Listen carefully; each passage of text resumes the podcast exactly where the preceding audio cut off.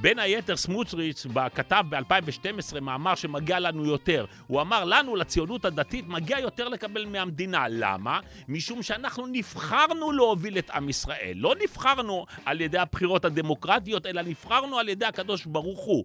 אי אפשר לערער על זה. זאת הנקודה, זאת טרטולוגיה שסגורה מכל עבריה, ואתה לא יכול להתמודד עם העניין, או שאתה מקבל או שאתה לא מקבל.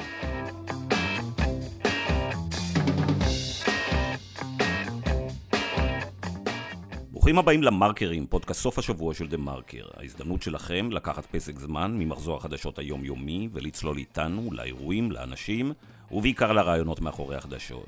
כאן באולפן איתכם כבדי שבוע, ענת ג'ורג'י וגיא רולניק. שלום ענת. שלום גיא. שמענו בפתיח את אלוף משנה במילואים, דוקטור שאול אריאלי, מומחה לסכסוך הישראלי-פלסטיני.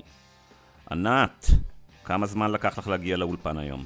לקח לי 40 דקות, וזה היה המון בהתחשב בזה שהמרואיין שלנו הקדים וחיכה לי. את יודעת למה אני שואל אותך דווקא היום על ההגעה לאולפן? אני יודעת, כן. אתה רוצה להרים לי או שאני אתחיל? לא, בגלל שאני דיברתי איתך השבוע וראיתי שמירי רגב הצליחה באמת להרגיז אותך, ואני יודע שאותך קשה להרגיז בעניינים הקשורים לעבודתך העיתונאית. אה, אני לא, לא הייתי חותמת על זה. אבל כן, היא הצליחה להרגיז אותי, בעיקר כי אני רואה איך ההיסטוריה חוזרת על עצמה. ואני רוצה לספר לך סיפור. לפני שבוע, אה, נטע, מי שעושה בעצם את הרכבת הקלה בתל אביב, החליטה להזמין את שרת התחבורה לסיור אה, לקראת ההפעלה של הרכבת שמתוכננת בחודש הקרוב. ונאמר כך, גורמים שהיו בסיור אמרו שהיה סיור מאוד נינוח, והכול עבד כמו שצריך, ואתה יודע, צחצחו את הרכבות ואת הקרונות לכבודה, והכול היה בסדר. ואז ככה הם התיישבו לאיזה מפגש סיום. והיו בטוחים שהכל אפי אפי ויופי יופי, והיא פתאום אומרת להם שהכל לא בסדר, ויש עיכוב, ויש... אה, הם בזבזו הרבה יותר כסף ממה שצריך, ולכן, אה, כמו שהיא הבטיחה, היא גם תקיים. היא הוציאה מהם אה, את אה, כל אה, תפעול אה, והקמת המטרו. מטרו זה בעצם קווים משלימים לרכבת ישראל ולרכבת הקלה. זאת רכבת תחתית, אה, פרויקט עצום בהיקף של 150 אה, מיליארד שקל. שנטע כבר עובדת עליו שנתיים ובזבזה כמה מיליונים רק בשביל הקמת מנהלת והכנת המכרזים. אה, ומירי רגב הודיעה שמאחר והם לא עומדים ביעדים שלהם ולא עושים עבודה טובה, אז היא לא סומכת עליהם, והיא רוצה להוציא בעצם את המטרו, ובעצם תקום מנהלת חדשה ונתחיל הכל מחדש, ופרויקט שגם ככה אמור לקום בעוד עשר שנים, כנראה אה, לא יקום בעוד עשר שנים. אוקיי, אז למה לדעתך היא עושה את זה? Uh, אני לא יודעת. אנחנו, אני חושבת שזה מאוד מאוד תלוי למי ייתנו את זה. Uh, אני רק רוצה להזכיר שבנתיבי ישראל, uh, שזה בעצם החברה שסוללת כבישים בישראל, והיה מי שאמר לי שהם ככה כבר תופרים חליפות ומפנים משרדים, יש הרבה מאוד אנשים שהם מקורבים למירי רגב, אבל אני לא קושרת בין הדברים, גיא. לא, לא קושרת. אוקיי, אז תראי, אה, אני לא יודע אם יצא לך לקרוא את הטור של אה, אבי ברלי, הכתב הפוליטי של אה, דה מרקר ביום ראשון השבוע. הכותרת שלו, בחשמל, בארנונה ואפילו בכשרות, מדינת יהודה נוקמת בישראלים. והכותרת כבר מרמזת מה ברלי מציג שם. שורה של החלטות שהממשלה מקבלת בימים ובשבועות האחרונים, שיפגעו ברוב הציבור הישראלי. ויקדמו אינטרסים של החרדים ושל אה, תושבי השטחים. עכשיו, ענת, מה שמכאיב במיוחד בטור של אה, בראלי הוא עדויות וציטוטים ישירים ונסיבתיים על כך שחלק מההחלטות הן במודע כאלה שנובעות מנקמה. הציר הלאומני המשיחיסטי והחרדי בממשלה במרכז, ובמרכז הליכוד, אה, אותו ציר שבראלי מכנה מדינת יהודה, רוצה לנקום בשאר הציבור. אה, אותי זה מפחיד, כי ברלי הוא עיתונאי מעולה, שלא כותב מהכורסה, אלא נמצא בשטח כבר יותר מ-20 שנה, ומחובר למאות מקורות בתוך כל הממשלות, החל מלשכות ראשי הממשלה, ועד למטה לאחרוני פעילי השטח במרכזי המפלגות. כן, זה באמת uh, מפחיד בכלל, כל מה שקורה פה, האופן שבו מתקבלות ההחלטות, ההחלטות שמתקבלות. אני יכולה רק לחזור לרכבת הקלה ולהגיד שזו פגיעה עצומה בכל כך הרבה תושבים, שמשוועים לתחבורה ציבורית נורמלית, שתאפשר להם להגיע ממקום למקום ולא להיתקע בפקקים ולא להחזיק כל כך הרבה רכבים. יש לזה כל כך הרבה יתרונות. היה צריך להאיץ את העבודה, והחלטה שהיא באמת לא מובנת, ויש בה כדי לפגוע בפרויקט הזה. וזה באמת... אז השילוב של uh, הכשלים uh, שאת uh, מציינת ובראלי עם העניין הזה של uh, מדינת uh, יהודה, זה מה שמוביל אותנו בעצם לאורח שלנו היום בפודקאסט, דוקטור uh, שאולה אריאלי. כהקדמה אני רוצה להגיד שרבים בישראל, כולל גם אותי, אני חייב להודות, לא פיללו אי פעם שתקום בישראל קואליציה שתרצה להפוך את ישראל בתוך תחומי הקו הירוק למדינה לא דמוקרטית. אנחנו הכרנו בכך שיש כאן קבוצה גדולה אה, בפוליטיקה ובחברה הישראלית שלדידה משיחיות ורעיונות ארץ ישראל השלמה קודמים לכל ערכים דמוקרטיים וליברליים בשטחים. אבל האורח שלנו היום מזהיר כמעט עשור שהחזון הזה של ארץ ישראל השלמה והחבורה הזאת שמקדמת אותו רוצים לכונן כאן מדינה לא דמוקרטית גם בתוך תחומי הקו הירוק. הוא חוקר את הסכסוך הישראלי-פלסטיני שנים, יש לו עבר צבאי בזירה הזאת, ובשבועות האחרונים המחקר והרעיונות שהוא מביא הם רלוונטיים יותר מתמיד. אז מיד מתחילים.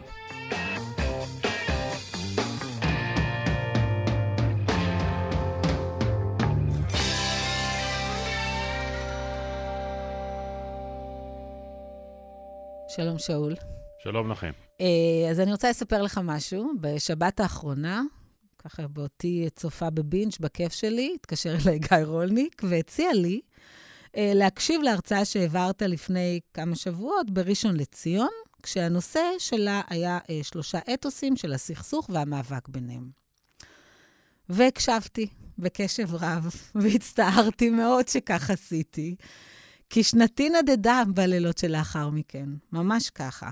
אז uh, לטובת המאזינים שעדיין ישנים טוב בלילה, אני רוצה לשאול אותך, האם נכון לומר, לדעתך, שישראל צועדת במסלול הבטוח לעבר מדינת הלכה משיחית וקיצונית, שבה הרוב החילוני הוא רק כלי שיש להשתמש בו? Uh, לצערי, כן, כי אני חושב שהקבוצה הזאת שמחזיקה באתוס הזה, שאני קורא לו אתוס המשיחיות, היא בעצם מובילה היום בפועל את המדיניות של ישראל, והיא פועלת ליישום של התפיסה הזאת בתוך החברה הישראלית.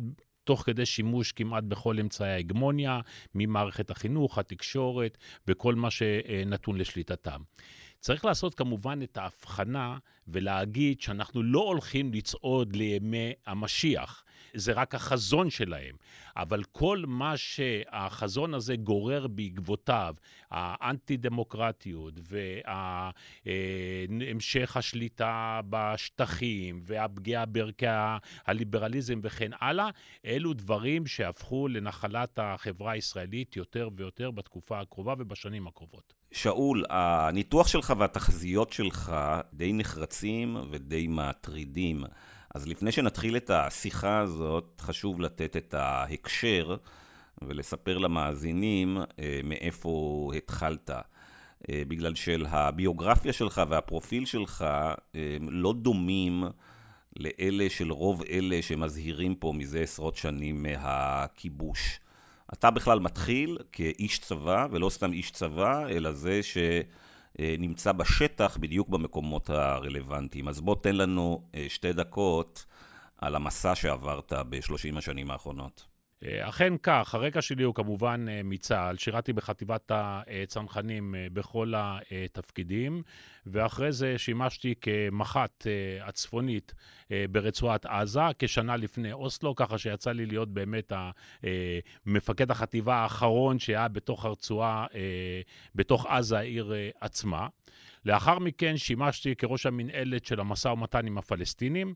התחלתי בתקופה של יצחק רבין אה, אה, להסכמי הביניים ב-1994, וכמובן המשכתי אחרי רצח רבין עם אה, פרס ועם נתניהו בקדנציה הראשונה שלו, וסיימתי עם ברק. ככה שכל האירועים שאנחנו מכנים אותם תהליך אה, אוסלו, אה, ועידת אה, קמפ דיוויד, ועידת טאבה, פרוטוקול חברון וכל מה שקשור לעניין הזה, יצא לי ללוות את הדברים האלה מקרוב. היום אני עוסק בזה במספר אה, ערוצים. ראשית, כמובן, באקדמיה. אני מלמד באוניברסיטת רייכמן ובאוניברסיטה העברית אה, בירושלים. אה, פרסמתי שמונה ספרים על הסכסוך, שבאמת נוגעים בכל ההיבטים שמאפיינים את הסכסוך והסוגיות המרכזיות. גם שני אטלסים שעוסקים בעניין הזה, ולא מעט מחקרים. וכמו שציינת, כמובן, אני כותב על הדברים האלה בעיתון הארץ כבר למעלה מעשור. שאול, יש לנו קשת מאוד רחבה של נושאים לעסוק בהם, יש לנו רק 45 דקות, והמחקר שלך הוא עמוק ומורכב וגם היסטורי כמובן. אז uh, ענת ואני החלטנו שכדי לסייע למאזינים לעקוב, אנחנו ננהל את הפודקאסט ככה, אנחנו נשמע מדי כמה דקות ציטוט של אחד האישים, הפוליטיקאים והאידיאולוגים החשובים שמסרטטים את החזון של כל אחת משלוש הקבוצות המרכזיות שאתה מסרטט בחברה הישראלית, ודרך ציטוטים אלה נספר את הסיפור של הסכסוך וכיצד הוא הביא אותנו לניסיון ההפיכה המשטרית עליו אה, הכריז יריב לוין בארבעה בינואר. אז אולי אה, נתחיל דווקא עם אה, לא אחר מאשר אה, זאב ז'בוטינסקי. משום שלא לערביי ארץ ישראל ולא לשאר הערבים, אין אנו יכולים להציע שום פיצוי בעד ארץ ישראל, ההזיה על כך שהם יסכימו מרצונם להגשמת הציונות תמורת נוחיות תרבותית או חומרית שעתיד להביא להם המיישב היהודי, הצגת דברים כזאת אין לה שום יסוד. אז זה ז'בוטינסקי, קיר הברזל, 1923. איזה דרך עשתה תנועת ה... הליכוד והזרם הליברלי בישראל מז'בוטינסקי ועד היום? כמובן שהדברים האלה של אה, ז'בוטינסקי, אם אנחנו מקפיצים אותם בזמן כמאה שנה אה, קדימה, הם מתייחסים למה שנתפס היום חלק מהתפיסה של אה, צמצום הסכסוך. הרעיון שבאמצעות רווחה אה, כלכלית שתינתן לפלסטינים, הם בעצם ינטשו את השאיפות הלאומיות אה, אה, שלהם ביחס להגדרה עצמית בארץ ישראל המנדטורית. וכבר אז ז'בוטינסקי עומד על הדברים האלה ואומר, אין שחר, אי אפשר בעצם להעניק לשום עם, לא רק לעם הפלסטיני, אלא לשום עם, אי אפשר להעניק תמורה, אה, תמורת הוויתור על ארצו. וכל מי שחושב במושגים הללו, אה, הוא הרי טועה. אני חוזר ומדגיש שכדי לפסול את הגישה הזאת שרואה ברווחה כלכלית או שלום כלכלי או מושגים כמו ניהול או צמצום הסכסוך אה, מעין פתרון, כי אנחנו צריכים להבין על מה בעצם הסכסוך. הרי הסכסוך הוא לא על רווחתם הכלכלית של הפלסטינים, הוא על מושא הסכסוך, הוא הרי ארץ ישראל והזכות להגדרה אה, עצמית בו. ולכן, כל עוד לא מתמודדים עם העניין הזה אה, ביושר, כל פתרון אחר בעצם לא מרחיק אותנו מהבעיה ולא מרחיק אותנו מעוצמת אה, הסכסוך. והגדולה של ז'בוטינסקי במקרה הזה, באמת הייתה שהוא עמד על העניין הזה מתחילת אה, אה, הדרך, ולמרות שחלפו להם מאה שנים, אנחנו חוזרים ושומעים את זה מחדש, גם במסדרונות הליכוד ובמסדרונות של מפלגות אה, אחרות, שחושבות שזה יכול להיות הפתרון, לפחות הזמני, לסכסוך. בינינו לבין הפלסטינים. אז אני רוצה רגע לעשות uh, סדר רק מבחינת שלושת האתוסים. אתה בעצם אומר שבחברה הישראלית יש שלושה אתוסים מעצבים, שמלווים אותנו מראשית הציונות. הראשון שבהם הוא הסכסוך, שבו הם מחזיקים למעלה ממחצית האוכלוסייה וגם מפלגות המרכז. השני הוא אתוס המשיחיות הלאומית, אה, שבעצם אותו מובילים מפלגות הימין הקיצוניות. ואתוס השוויון ביחס לשני העמים, שרואה את ישראל כמקום משותף לעמים שונים. אז בוא קצת תספר לנו על האתוסים השונים, ואולי גם על האופן שבו הם צמחו. כמו שאמרת, אתוס הסכסוך הוא האתוס הרווח ביותר בחברה הישראלית, והוא בעצם נשען על החזון הציוני הקנוני, שמדבר על שלושה יעדים מרכזיים לציונות. על ארץ ישראל, על אה, מדינה אה, דמוקרטית ועל רוב יהודי. והרעיון של רוב יהודי הוא על מנת לקבוע את הזהות היהודית אה, של המדינה. שלושת היעדים האלה, לאורך ההיסטוריה, נתגלו כבלתי ניתנים להשגה בו בעת, משום הרוב הערבי שאפיין את רוב המאה השנים האחרונות בארץ ישראל. והדבר הזה בעצם חייב את ההנהגה הציונית, ומאוחר יותר את ההנהגה הישראלית, לקבוע את סדר העדיפות ביחס לאותם שלושת אה, אה, יעדים. ואני חייב להגיד שבמשך מאה שנה, אה, ממש ללא כל סטייה, ההנהגה הציונית והישראלית תמיד בחרו במדינה דמוקרטית בעלת רוב אה, אה, יהודי, תוך ויתור על חלק מהיעד של ארץ ישראל השלמה, כי ידעו כי כל אפשרות אחרת בעצם סותרת את החזון הציוני. כי אי אפשר לחולל פה ארץ ישראל שלמה, וגם שתהיה פה דמוקרטיה. וגם שתהיה, אה, היא יכולה להיות שלמה ודמוקרטית, אבל אז היא לא תהיה יהודית, כי ברגע שיש רוב ערבי, בבחירות דמוקרטיות, הרוב הוא שקובע את המאפיינים אה, של המדינה, ומזה נמנעו. התהליך הזה התחיל כבר ב-37, ונמשך כמובן ב-47, בהחלטת החלוקה, ואחרי המלחמה ב-49, וכן הלאה וכן הלאה. אבל צריך לזכור שהפשרה... של האתוס הזה היא פשרה שאני קורא לה אמת אה, אה, אה, בשעתה. זאת אומרת, זאת לא הכרה מלאה בזכותו של העם הפלסטיני להגדרה עצמית, אלא מעין תודעה של אין ברירה. עלינו לוותר על חלק מאחד היעדים על מנת להבטיח את שאר היעדים. זוהי התפיסה, כי אומר, בסופו של דבר זה סכסוך מתמשך שלעולם לא ייפתר וכן הלאה וכן הלאה. האתוס השני הוא האתוס המשיחי לאומני, אני קורא לו היום, מבית מדרשו של אה, הראיה, אה, וכמובן בנו, הרצייה, הרב צבי יהודה אה, קוק, שלקח את זה למחוזות עוד יותר קיצוניים. וכאן אנחנו מדברים על תהליך גאולה הדרגתי, ייחודי. אה, ביחס לנושא המשיחיות. לא מדובר על שינוי דרמטי שיחול, שאנחנו נמצאים במצב קשה מאוד, שרק המשיח יפתור לנו ויוציא אותנו מ- מ- מ- מהמצב שבו אנחנו נמצאים. כמו שחושבים החרדים, שבעצם בדיוק. חושבים שצריך רק להתפלל והמשיח כן, יגיע. כן, יש את הרעיון של ההמתנה הסבילה. אצל החרדים יש את ההמתנה הסבילה, כי ההחלטה תתקבל והגאולה תיעשה בידי שמיים ולא בידי אדם.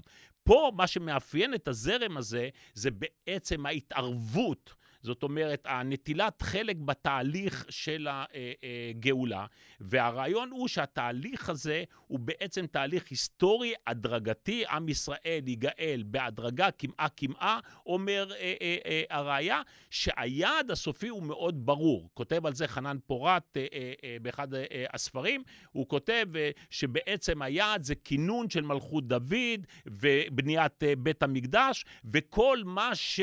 הציונות הקנונית השיגה עד עכשיו הם רק שלבים מוקדמים. זה נחמד, הביטחון, הקמת המדינה, זה בסדר, אבל זה לא היעד הסופי. היעד הסופי צריך יהיה אה, להשלים אותו על ידי יצירת התנאים. לביאת המשיח. ומה עם יצירת התנאים? בראש ובראשונה, ריבונות יהודית מלאה על כל ארץ ישראל, ויש חלק בזרם הזה שגם כמובן מדבר על כינון בית המקדש כתנאי לעניין הזה. שאול, בוא נשמע רגע את הראייה, או בשמו המלא, הרב אברהם יצחק הכהן אה, קוק, מה הוא אומר על הצהרת אה, בלפור אה, ב-1917 באספה הפומבית בלונדון. התחלת עד הגאולה ודאי הולכת ומופיעה לפנינו. לא באתי להודות למלכות בריטניה, אלא לברך אותה על שהקדוש ברוך הוא בחר בה להיות השליח להגשים הבטחתו שנחזור לארץ ישראל.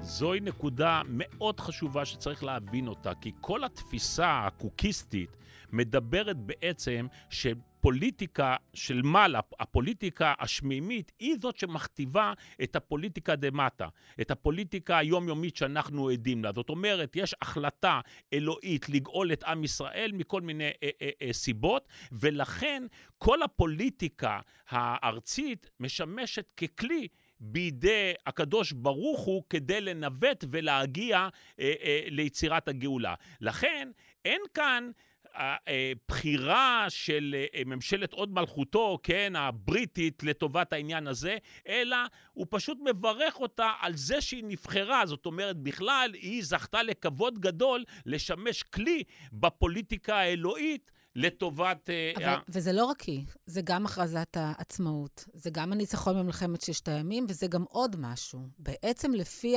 החזון הזה, כל פעם שסוטים מהמסלול, יש סוג של עונש. שאול, אני רוצה להשמיע, מאה שנים אחרי אה, אה, אברהם אה, יצחק קוק, בצלאל סמוטריץ', שר האוצר שלנו, היום חוזר ב-2017 בדיוק על אותו ראיון, בקשר להחלטת האו"ם.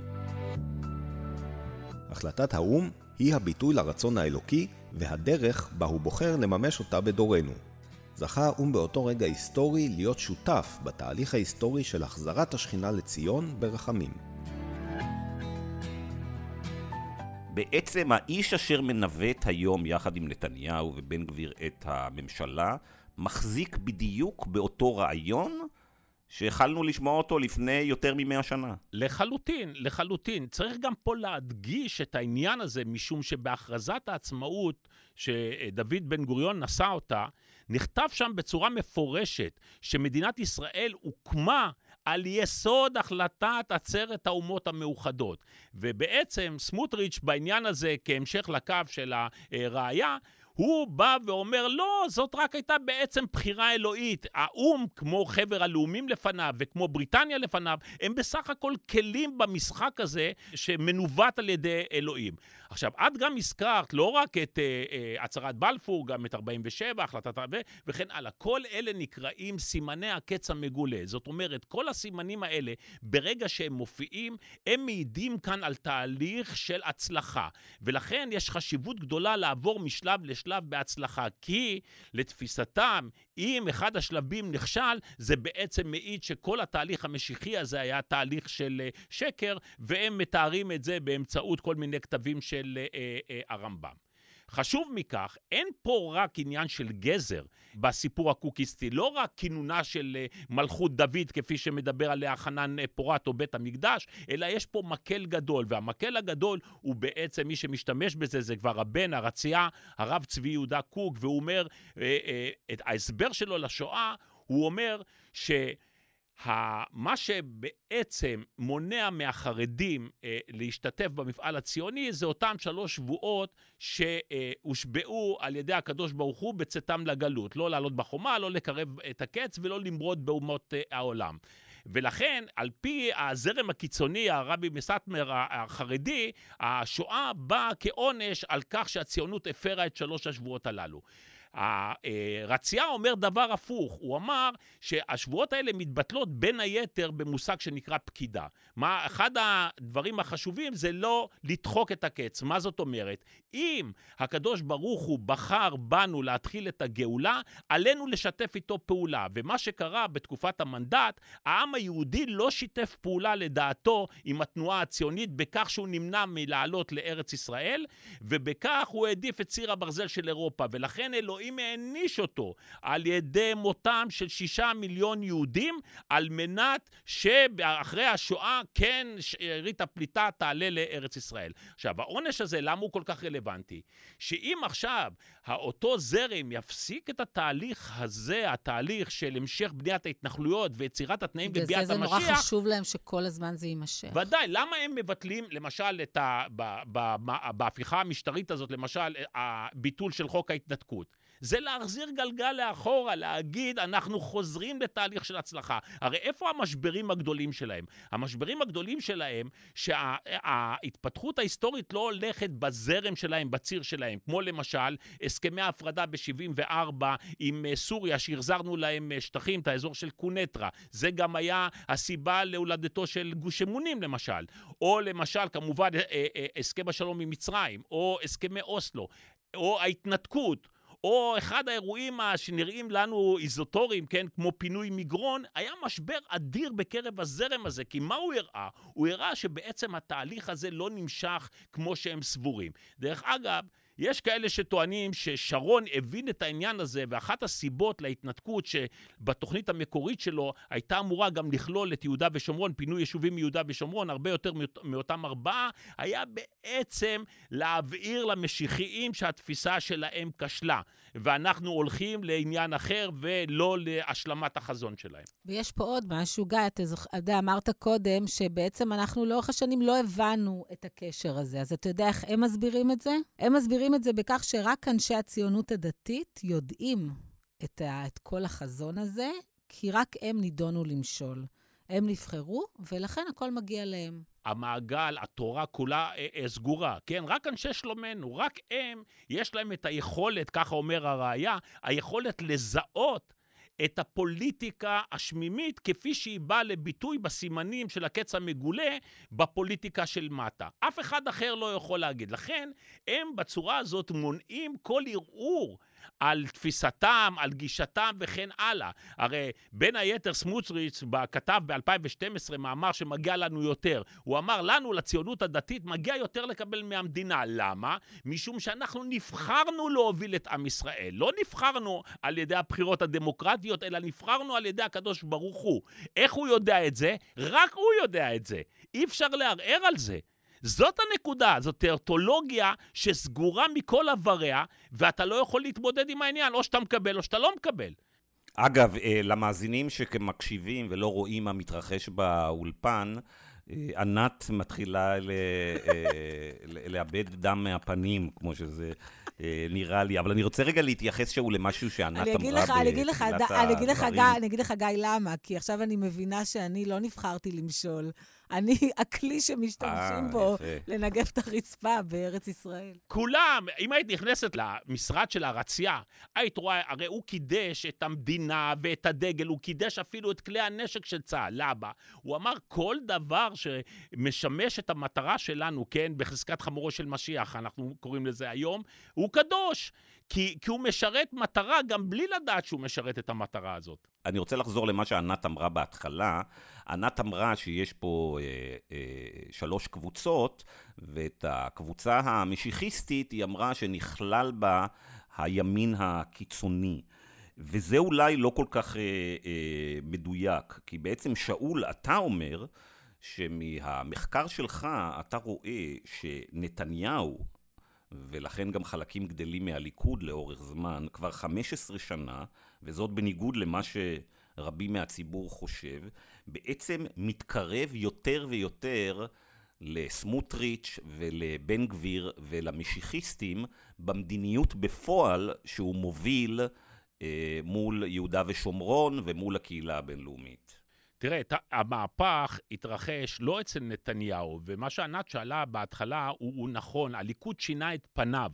זאת אומרת, יותר ויותר אה, אה, אנשי ימין קיצוניים, משיחיסטים, הבינו שהליכוד הוא בעצם כלי הקיבול הטוב ביותר לחולל את השינויים במדינת ישראל, משום שהוא נהנה מתמיכה עיוורת של מה שאנחנו קוראים או לא רוצים לקרוא אה, ישראל השנייה. זאת אומרת, המסה של המצביעים שיכולה להעניק את הכוח לשינוי במערכת הפוליטית נמצא בידי הרוב המזרחי שמצביע ברובו אה, אה, לליכוד, ולכן הם יצרו חטיבות פנימיות בתוך הליכוד שכולם הם אה, ימין משיחי. זה מסביר את ההיעלמות של דן מרידור, של ציפי לבני, של כל החבר'ה האלה שהכרנו אותם בליכוד המסורתי של בגין, וזה מפנה את מקומו לאנשים שבאים משורות של הציונות הדתית. מה שמדהים לגלות, שמתפקדי הליכוד אינם מצביעים לליכוד במהלך הבחירות. מה שחשוב להם זה רק לפריימריז להציב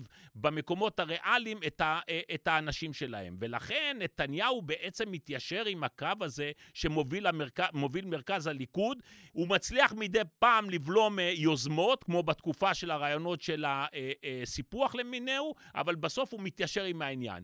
נתניהו אינו שייך לזרם הזה, הימני-משיחי. אה, הוא שייך לזרם שמחזיק באתוס הסכסוך. אבל השילוב של האינטרסים האישיים שלו, הרצון שלו להיות ראש ממשלה forever ואולי להוריש את זה אה, לבנו אחריו, מתחבר עם האינטרסים של הימין המשיחי, ולכן הברית הזאת הלכה והתהדקה במשך למעלה מעשור, וכמו שציינת, על זה בדיוק פרסמתי לא מעט מאמרים. אוקיי, שאול, ועכשיו בואו נמשיך לאתוס השלישי.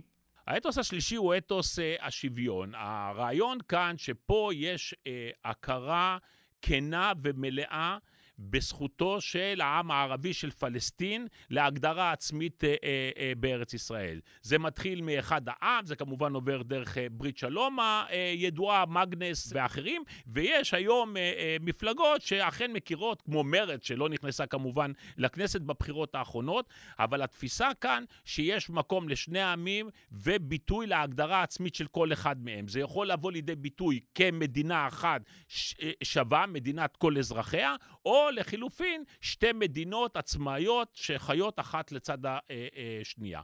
הזרם הזה היום כמובן אה, הוא הקטן, הוא השולי מבין הזרמים שציינו קודם. כן.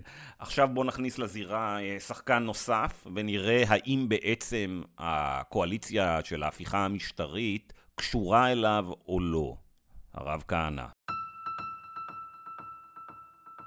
מטרת מדינת ישראל היא נקמה בגויים, ומי שמרפה מנקמה באויבי ישראל, למעשה מוותר על נקמת הקדוש ברוך הוא.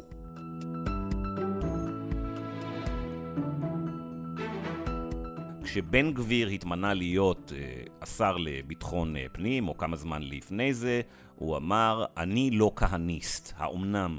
לגמרי, אה, אני שולל את הטענה הזאת של אה, בן גביר. אה, כמובן, הכהניזם אה, מבוסס על אותם שלושה יסודות. אה, השלישי שבתוכם זה נקמה בגויים. אפרופו, הזכרתם קודם את מדינת יהודה שרוצה לנקום בגויים, אבל צריך להזכיר להם שאנחנו יהודים כמו כולם. ובן גביר הוא תלמידו הנאמן של כהנא. אם אנחנו מסתכלים עד לבחירות האחרונות, בכל ההתבטאויות והרעיונות שהיו אצלו בעשר השנים האחרונות, הוא חזר וציין את הזהות האידיאולוגית בינו לבין אה, אה, כהנא. הוא לפעמים סייג את זה ואמר, אה, לי היום פותחים מיקרופון, אבל לכהנא לא פתחו, או ההבדל בינינו הוא ההבדל בסגנון, או לעיתים הוא ממש אמר שכל הדברים של כהנא הם דברים רלוונטיים עד היום. הוא לא יחוקק חוקים של הפרדה גזעית בחופי הים, אבל כל שאר הדברים הוא אכן יעשה אותם. בואו נשמע אה, כמה דברים שבן גביר בעצם אומר על אה, כהנא. אני חייב לרב כהנא את זה שחזרתי בתשובה והתחלתי ללמוד בישיבה שהקים, אמנם אחרי שנרצח, ולצערי לא זכיתי להכירו, אך זכיתי ללמוד את כתביו, את שיעוריו, ולהיות בישיבה עם הרבה אהבה לכל אחד. קיבוץ גלויות גדול. אז לפני ששאול שתגיב על מה ששמענו כרגע מבן גביר, אני רוצה להשמיע הקלטה נוספת של בצלאל סמוטריץ' לפני אה, חודשיים, אה, שמציע למחוק את חווארה. בואו נשמע. כי אני חושב שאת הכפר חווארה צריך למחוק. אני חושב שמדינת ישראל צריכה לעשות את זה. זאת אומרת, חס וחלילה לא אנשים פרטיים. שאול, סמוטריץ' חזר בו לאחר כמה ימים. מהקריאה למחוק את חווארה. אתה מאמין לו? אני לא מאמין לו, משום שהדבר הזה מתיישב בדיוק עם התוכנית המדינית שלו, כן? תוכנית ההכרעה. כשאנחנו מדברים על תוכנית ההכרעה, אה, והיא מבוססת כמובן על הפרשנות אה, אה, של הרמב"ם, שמדבר על אותם שלושה מכתבים ששלח יהושע בן נון טרם כניסתו לארץ ליושבי הארץ, אז הוא אמר, בעניין הזה, מי שייכנע, ייכנע, ומי שירצה בסופו של דבר להילחם, אז במלחמה כמו במלחמה. לכן מבחינתו של סמוטריץ', והוא חוזר עליו, הפלסטינים הם, הם טרוריסטים ומטרתם להשמיד את ישראל, ולכן אנחנו נמצאים איתם במלחמה, ובסופו של דבר, כוונתו ליישם את אותה תוכנית, את אותו שלב שלישי, במלחמה כמו במלחמה, או במילים אחרות, להגיע למצב של נכבה שנייה.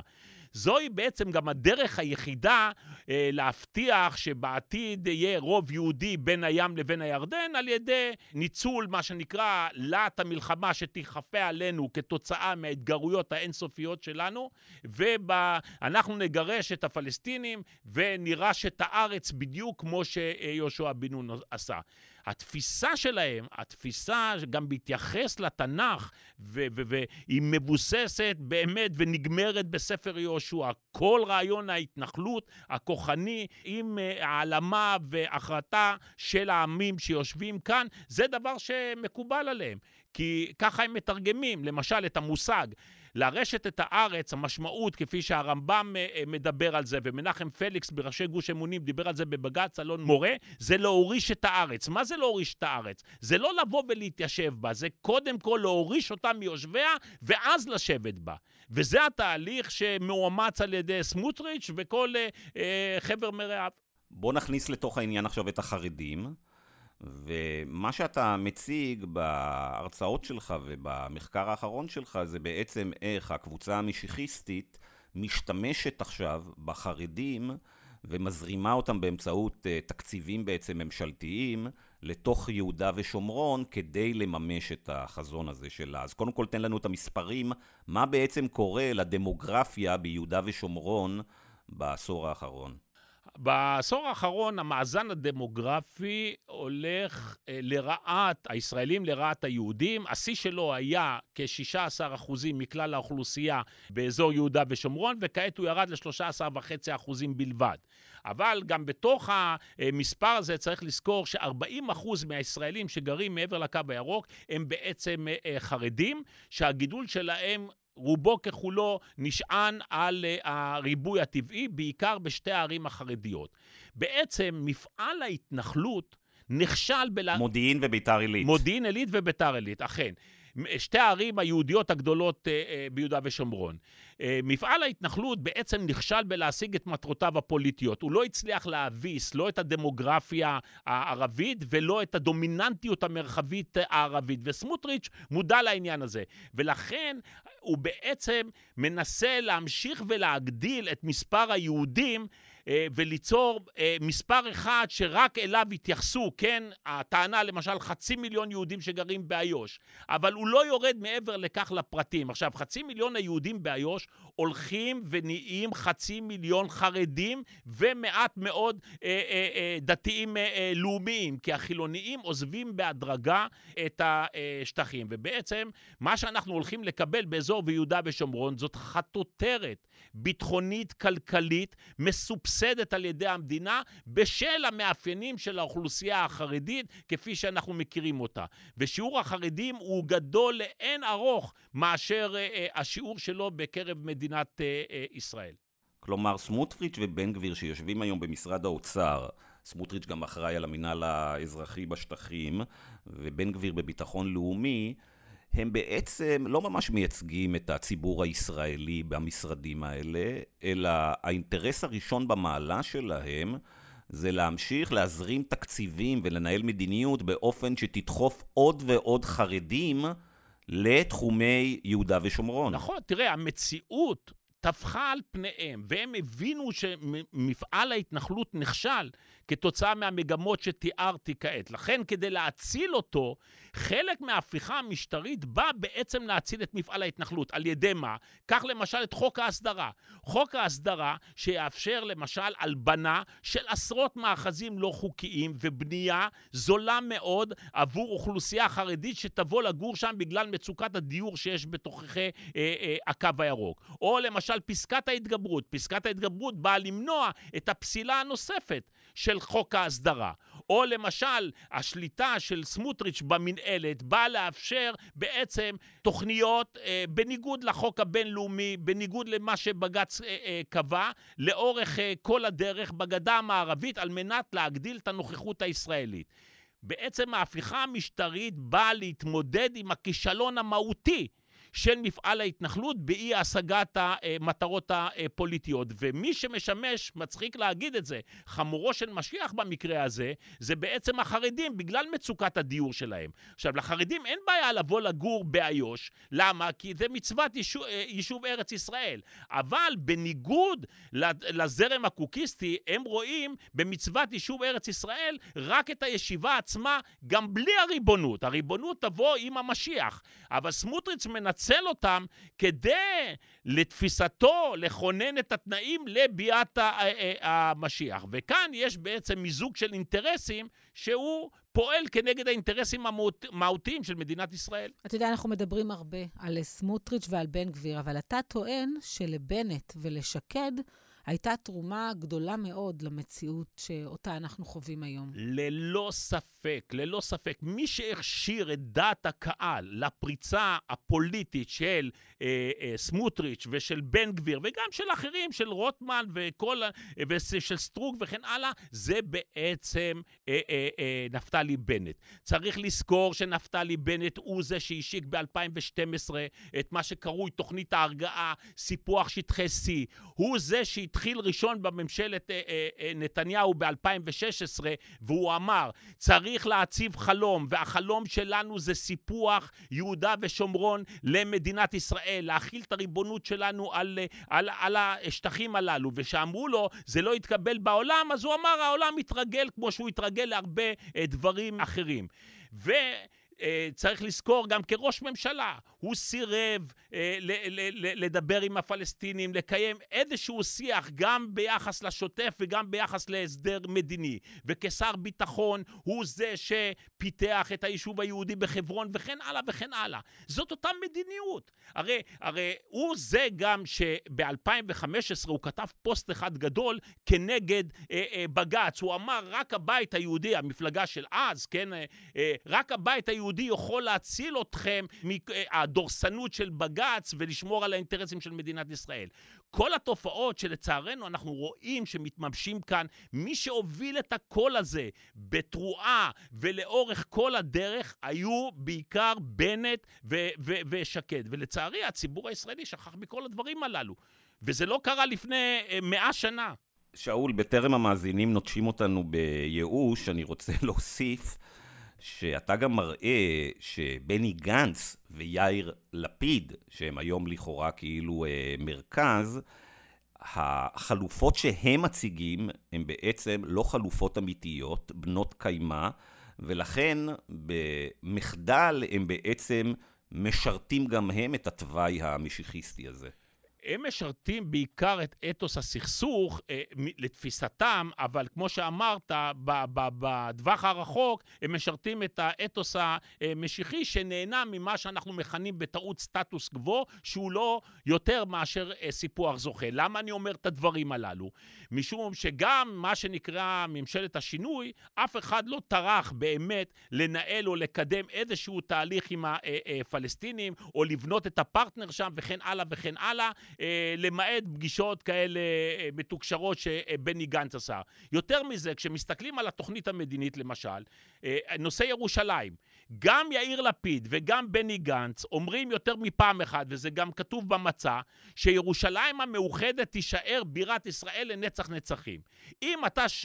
מונע מהפלסטינים את הקמת בירתם בירושלים המזרחית, אין לך פרטנר בצד הפלסטיני. אין מי שיבוא למשא ומתן בלי בירה אה, אה, ב- בירושלים. והראיה לכך הכי טובה הייתה לא מזמן עם השקה של יוזמת השלום של טראמפ בינואר 2020, שגם שם לא נכללה בירה בירושלים, וכמובן לא ראינו שום פרטנר פלסטיני. או לתפיסתו של אה, בני גנץ, אנחנו נשמור את בקעת הירדן בריבונות אה, ישראלית. לשמור את בקעת הירדן, זאת אומרת, זה לשמור בין רבע לשליש משטח הגדה. אין לנו שום יכולת גם לפצות את הפלסטינים בהיקף כזה של אה, אה, אה, חילופי שטחים, ולכן כל התוכניות האלה הן תוכניות לא מעשיות. ומי שבאמת עשה את קפיצת האמונה והבין את הדברים לעומק, זה אהוד אולמרט באנפוליס 2008. בוא נדבר רגע על מה שהזכרת, שאול. אתה אמרת את הרעיון שהרבה ישראלים אה, אה, מקבלים אותו, של אין לך פרטנר. אז אתה מסתכל על ההתבטאויות של אה, ראשי הרשות הפלסטינית וזאת הישראלית לאורך השלושים השנים האחרונות, ואתה רואה מי באמת הוא פרטנר ומי באמת הוא לא פרטנר. בוא תסביר. תראה, אני תמיד אומר שלשאול האם יש פרטנר זה לשאול חצי שאלה. צריך לשאול האם יש פרטנר ולאיזו תוכנית. ורק תוכנית שמעוגנת בהחלטות הבינלאומיות 242 ו-338, שמשמשות כבסיס למשא ומתן בין ישראל לעולם הערבי, כפי שנקבע בקמפ דיוויד 78 ואושר על ידי ישראל, זאת התוכנית היחידה שיוצרת פרטנר אה, אה, אה, פלסטיני. צריך להבין, מבחינת הפלסטינים, שהם קיבלו ב-88 את 242, הם מבחינתם עשו את הוויתור הגדול היחידי והמשמעותי. הם ויתרו על 78% מפלסטין ההיסטורית לעמדתם. ובתגובה או בתמורה הם ביקשו וציפו לקבל את אותם 22 אחוזים שכוללים את הגדה ואת uh, רצועת עזה ואת הבירה בירושלים המזרחית. אם הדברים האלה לא ניתנים להם, הם לא הופכים להיות, הם מפסיקים להיות פרטנר. משום שמבחינתם הם יכולים לגלות את כל הגמישות לצרכים הביטחוניים של ישראל, על ידי חילופי שטחים, על ידי פירוש של המדינה הפלסטינית. אבל הם לא יכולים לחרוג כלפי דעת הקהל שלהם מהפרשנות הסבירה של ההחלטות הבינלאומיות. כי מבחינתם הם חזרו ב-88 לחיק הקהילה הבינלאומית על ידי קבלת ההחלטות הבינלאומיות, ולכן הם מצפים ליישם את ההחלטות הבינלאומיות ולא לתת לישראל עדיפות בגלל כוחה הרב. אני רוצה רגע לעצור. התיאוריה נשמעת אה, מאוד מהודקת, מאוד מבהילה, כמו שאמרתי בהתחלה, אבל יש כמה דברים שאני לא מצליחה להבין בכל זאת. היא למשל בעיניי מתעלמת מיריב לוין, או מנתניהו ומהאינטרסים שלהם, שהם לא תואמים את ממלכת יהודה, הם הרבה יותר ארציים. אחד אולי רוצה למלט את עצמו ממשפט, והשני, יש בו באמת איזו עוינות בסיסית אה, למערכת המשפט, והם כיום מובילים את, ה, את אותה רפורמה משפטית או הפיכה משטרית, שבעצם אתה מייחס אותה לחלק מהחזון הזה. אה, ואני חושבת שאלמלא הם זה לא היה קורה, בטח לא כרגע. היא גם מתעלמת אולי אה, אה, מאיזה שהם תהליכים דמוגרפיים, שיש היום חילון אה, בחברה הדתית והחרדית. למעשה, אה, אני חושבת שזה אפילו אולי קצת יותר היום, אחד מכל אה, שישה תינוקות שנולדים, בעצם בסופו, ב, ב, במגזר החרדי, יהפוך להיות אה, חילוני או, או הרבה פחות חרדי.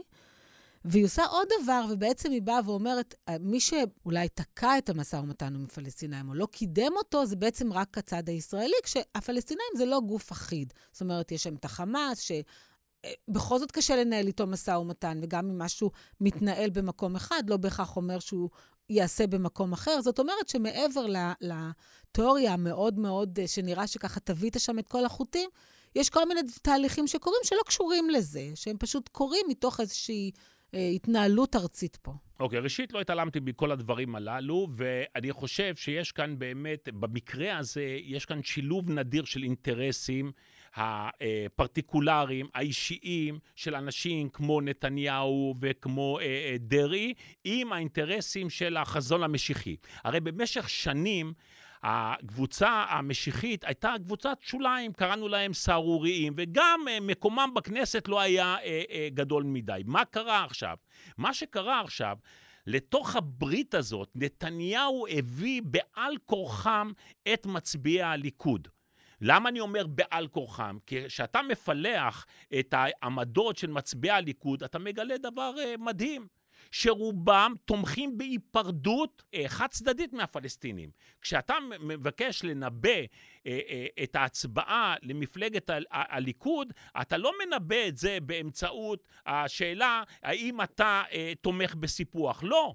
מי שתומך בהיפרדות חד צדדית, להבדיל מהיפרדות מדינית באמצעות אה, אה, אה, הסכם, זה הימין. לכן מה שעשה כאן נתניהו, הוא ביצע כאן מהלך, הוא מכר את כל מצביעי הליכוד כאתנן לזרם המשיחי-לאומני, אה, אה, תמורת האתנן שהוא האישי. שהוא קיבל כדי לחלץ את עצמו מאימת הדין ומאימת הכלא. וזה בעצם החיבור שאני מדבר עליו. למה אני מסביר שלאורך שנים תמיד בשלושת האתוסים, מיקומו של האתוס המשיחי היה תמיד אחרון. למה הוא קפץ לקדמת הבמה? בגלל השילוב הייחודי החד פעמי הזה שנתניהו יצר אותו על ידי בגידה אמיתית בבוחריו. אולי לא בכולם, אבל אה, ברובם המכריע. עכשיו, לגבי החמאס, ברור שאנחנו לא פוטרים את, את הפלסטינים מאחריות, הם עשו לא מעט טעויות לאורך ציר הזמן, בעיקר ערפאת עשה את זה, ואנחנו מכירים את הדברים. אבל פה, בסופו של דבר, כשאתה מסתכל על העמדה הרשמית, העמדה הרשמית הפלסטינית, עם העקרונות והפרמטרים לפתרון שתי המדינות, עומדות בפרשנות הבינלאומית ומעניקות, יותר חשוב מזה, מעניקות לישראל את התשובות לכל האתגרים שיש בה, אה, אה, ביישום. כן, אם אנחנו מדברים בנושא הביטחוני, או אם אנחנו מדברים למשל אה, בסוגיית הפליטים. מה שקורה, המדיניות הרשמית של מדינת ישראל זה לשמור על הפיצול בין החמאס לבין אה, אה, אה, אה, פת"ח כדי למנוע יצירת כתובת אחת ברורה בצד הפלסטיני שיכולה לנהל משא ומתן. אבל אני יכול להגיד לך, למרות זאת, אפילו החמאס נותן את הלגיטימציה לאש"ף, כן? הוא, יש לו תלונות אחרות, אבל לאש"ף להמשיך ולשמש הנציג הלגיטימי של העם הפלסטיני. וככל שאנחנו פוגעים באש"ף ופוגעים ברשות הפלסטינית, אנחנו יוצרים חמאס חזק יותר. זאת אומרת, ההימנעות של ישראל מיצירת שיח מדיני עם אש"ף יוצרת לה מציאות ביטחונית קשה הרבה יותר על ידי התגברות של החמאס, כי החמאס אומר דבר פשוט, אתם רוצים לסיים את הסכסוך עם הישראלים? זה רק בכוח. והראיה לכך, ראו מה קרה בעזה. הרי הם תמיד אמרו לאבו מאזן, 20 שנה אתה מנהל משא ומתן עם ישראל, לא הוצאת נעל אחד של מתנחל. אנחנו, תוך מספר שנים, זרקנו מפה את צה"ל האדיר מתוך עזה והקמנו את ה... אה, את היחידה, היא לא בדיוק עצמאית, אבל אה, נטולת כיבוש אה, ברצועת עזה. אמרת בעצם שנפתלי בנט ואיילת שקד, ובמידה מסוימת לכן גם ממשלת השינוי האחרונה, הם שהכשירו את הלבבות והכינו אותנו בעצם להפיכה המשטרית, כי הם שם נמצאים שם כבר מעשית, רעיונית, אידיאולוגית ותפעולית כבר הרבה מאוד שנים. בנט ושקד עשו עוד דבר, הם אלה שנתנו לגיטימציה, או הם אלה ש... אה, הפכו כבר לכלי ב, ב, בידיים של גורם נוסף, פורום קהלת. איך בתוך הניתוח אה, שלך משתלב פתאום אה, מכון לובי שממומן על ידי מיליארדרים אמריקאים בתוך כל החזון המשיחיסטי הזה? יש חיסרון אדיר של המערכת הפוליטית של ישראל, וזה חוסר היכולת אה, אה, לקיים עבודת מטה מסודרת. אני אגיד שעבודת מטה מסודרת בדרך כלל מיוחסת כמובן לצה"ל ואולי לזרועות הביטחון האחרות, והמל"ל הוקם גם, המועצה לביטחון לאומי הוקמה עקב העניין הזה. הבעיה המרכזית שההנחיות של ממשלות נתניהו, לרבות הממשלה, ממשלת השינוי של אה, בנט-לפיד, אסרה על הגופים האלה להתעסק עם התחום, בתחום המדיני עם הפלסטינים. ולכן לתוך הנישה הזאת, לתוך הלקונה הגדולה הזאת, נדחפו כל מיני ארגונים חוץ-ממסדיים, ובראשם קהלת, בגלל היכולות הכספיות האדירות שנתמכות על ידי תרומות שבאות אה, מחוץ לארץ, והם הפכו להיות בעצם אותה מועצה לביטחון לאומי שלא מתפקדת עבור אותם שרים, בהתאם כמובן לרוח ה... אה, ולאג'נדה ולאידיאולוגיה שמאפיינת את אה, קהלת. ולכן, אנשים שבאו לממשלה, הם באו עם תוכניות אה, אה, מוכנות, אה, מבלי לערב כמובן את הגופים הרשמיים שאמורים לקחת בחשבון את כלל הדעות ואת ה, מה שנקרא, את הדעות ההפוכות, פרקליט השטן וכן הלאה וכן הלאה. והיתרון הזה בשליטה, בידע ובגיבוש בתוכניות מסודרות, מעניקות לאנשים שמשתמשים אה, אה, בקהלת יתרון אדיר כלפי השרים האחרים שאין בידם את הכלים הללו, כי המערכות הציבוריות משותקות. שאול, שאלה אישית לסיום. אה, חלק אה, לא קטן מהמאזינים של הפודקאסט הזה הן אה, שתי קבוצות. אחת של ישראלים שנמצאים במקצועות שמאפשרים להם לעבור לגור בחו"ל. והקבוצה השנייה זה של ישראלים שנמצאים בחו"ל. ואם אני מנסה להיות להם לרגע לפה, אלה מהם ששרדו איתנו את ה-45 דקות האחרונות, שואלים את עצמם, אה, אם שאול צודק, איזה תוואי מדינת ישראל אה, אה, צועדת פה מבחינה דמוגרפית, מבחינה אה, אידיאולוגית, מבחינה אה, כלכלית. ואז הם שואלים את עצמם, מה אני רוצה להמליץ לילדים שלי? להמשיך להיות כאן ולהילחם, או שזה נראה, הקואליציה הזאת נראה שצוברת יותר ויותר כוח, ובעצם אנחנו מגיעים לדרך ללא מוצא. איפה הילדים שלך, שאול, אתה היית ממליץ להם להיות עוד עשר ועשרים שנה? תראה, אני תמיד אהבתי להגיד שאימא שלי, שנפטרה לפני כשלושה חודשים, גידלה פה היא עלתה מטהרן, מאיראן, לפני למעלה מ-70 שנה, והיא גידלה פה שבעה ילדים, 21 נכדים ו-56 נינים, וכולם חיים במדינת ישראל ללא יוצא מהכלל. ולכן, מה שאני ממליץ לאותם אה, מאזינים, לעשות את ההבחנה בין תיאור המצב. הרבה פעמים, אה, כמו שענת אמרה, זה גורם לאנשים, דברים שאני אומר, לזוז באי נוחות אה, אה, אה, בכיסא. זה נכון, אבל זה, זה המצב, אני מתאר אותו, והמצב הוא קשה. אבל צריך לעשות את ההבחנה בין תיאור המצב להמלצות לעשייה. ואני חושב, וזה בדיוק מה שאני עושה, זה להילחם. להילחם על החזון. הליברלי, הדמוקרטי, מול החזון הזה, ועדיין אני חושב שבידי הציבור בישראל ובהתפלגות הדמוגרפית בישראל ובהתפלגות הרעיונית בישראל, אנחנו יכולים לנצח ולהחזיר בשלב הראשון את ישראל למסלולה, ובשלב השני להמשיך וליישם את חזון האבות המייסדים שלא השלמנו אותו, כמו אה, כמה שזה נשמע עכשיו הזוי ורחוק, חוקה אה, והחזרה למדינת הרווחה וכל הנושא החינוך וכן הלאה. לכן מתחייבים לעשות את ההפרדה הזאת. אני, אני אומר, לא יכול להיות שאנחנו, שההורים שלנו, לפחות ביחס אליי ולקבוצה גדולה, הגיעו לארץ ועלו בעיקר אחרי השואה, אנחנו, הדור הזה, ניקח את הרגליים ונחזור חזרה לגלות או, או, או למקומות אחרים. בעצם, שאול, אתה רואה אולי, אולי אתה רואה בניסיון ההפיכה המשטרית שהתרחש פה, וההתעוררות המדהימה והמרגשת של מאות אלפי ישראלים, אולי זה בעצם דווקא רגע של הזדמנות אדירה לעצור את התוואי הזה. נכון, אני, אני גם רוצה לקוות כך, ו, ונכון שיש לי גם לא מעט ביקורת כלפי הנושא של המחאה המשטרית, משום שאני סבור שהגיע הזמן, כן, אחרי כל כך הרבה אה, שנים, לעשות את החיבור הנדרש, כמו שאני מציג את זה פה, בין הסכסוך לבין ההפיכה המשטרית, להבין את הקשר בין המטרה של אותו חזון אה, משיחי לבין האמצעי, ההפיכה המשטרית, ולהיאבק בשניהם ביחד. לא להסתפק בחזרה לסטטוס קוו, כי צריך לזכור שהסטטוס קוו הוא זה שהיה עם התנאים הנכונים ליצירת ההפיכה המשטרית. אסור להסתפק בכך, אלא צריך להציב יעדים, חזון חדש, מערכת מושגים חדשה שמדברת על חברה אחרת כפי שאנחנו רואים אותה, כן? דמוקרטית, ליברלית, רווחה וכן הלאה וכן הלאה. וזה האתגר הגדול. הבעיה היא שאנשי המחאה, שאול, מבוהלים מהרעיון שהמילה כיבוש תוזכר בהפגנות, וזה יבריח את חלק מהציבור שהם רוצים לגייס. והחלופה, שזה, החלופה לעניין הזה, שזה יבריח את עצמם. מחוץ לגבולות מדינת ישראל. הגיע הזמן להסתכל במראה, אי אפשר להתחמק מזה יותר. הרי כשאני כתבתי על הדברים האלה בעשור האחרון והתרעתי בעניין הזה, כל פעם אמרו לי, אתה מגזים, אנחנו לא נגיע לדברים הללו.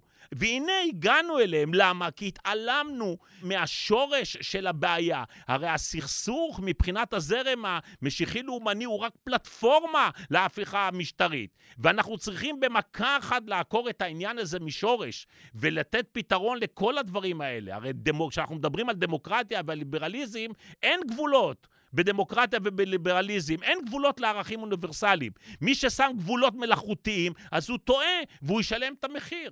דוקטור שאול אריאלי, תודה רבה שהגעת לאולפן אה, שלנו, ואני רוצה להוסיף למאזינים שרק אה, שומעים ולא אה, רואים, שענת ואני משתאים מרמת האנרגיה, הנחישות והלהיטות שלך, ועם כאלה מנהיגים לחברה האזרחית, באמת צריך להיות אופטימיים. תודה רבה. תודה רבה לכם.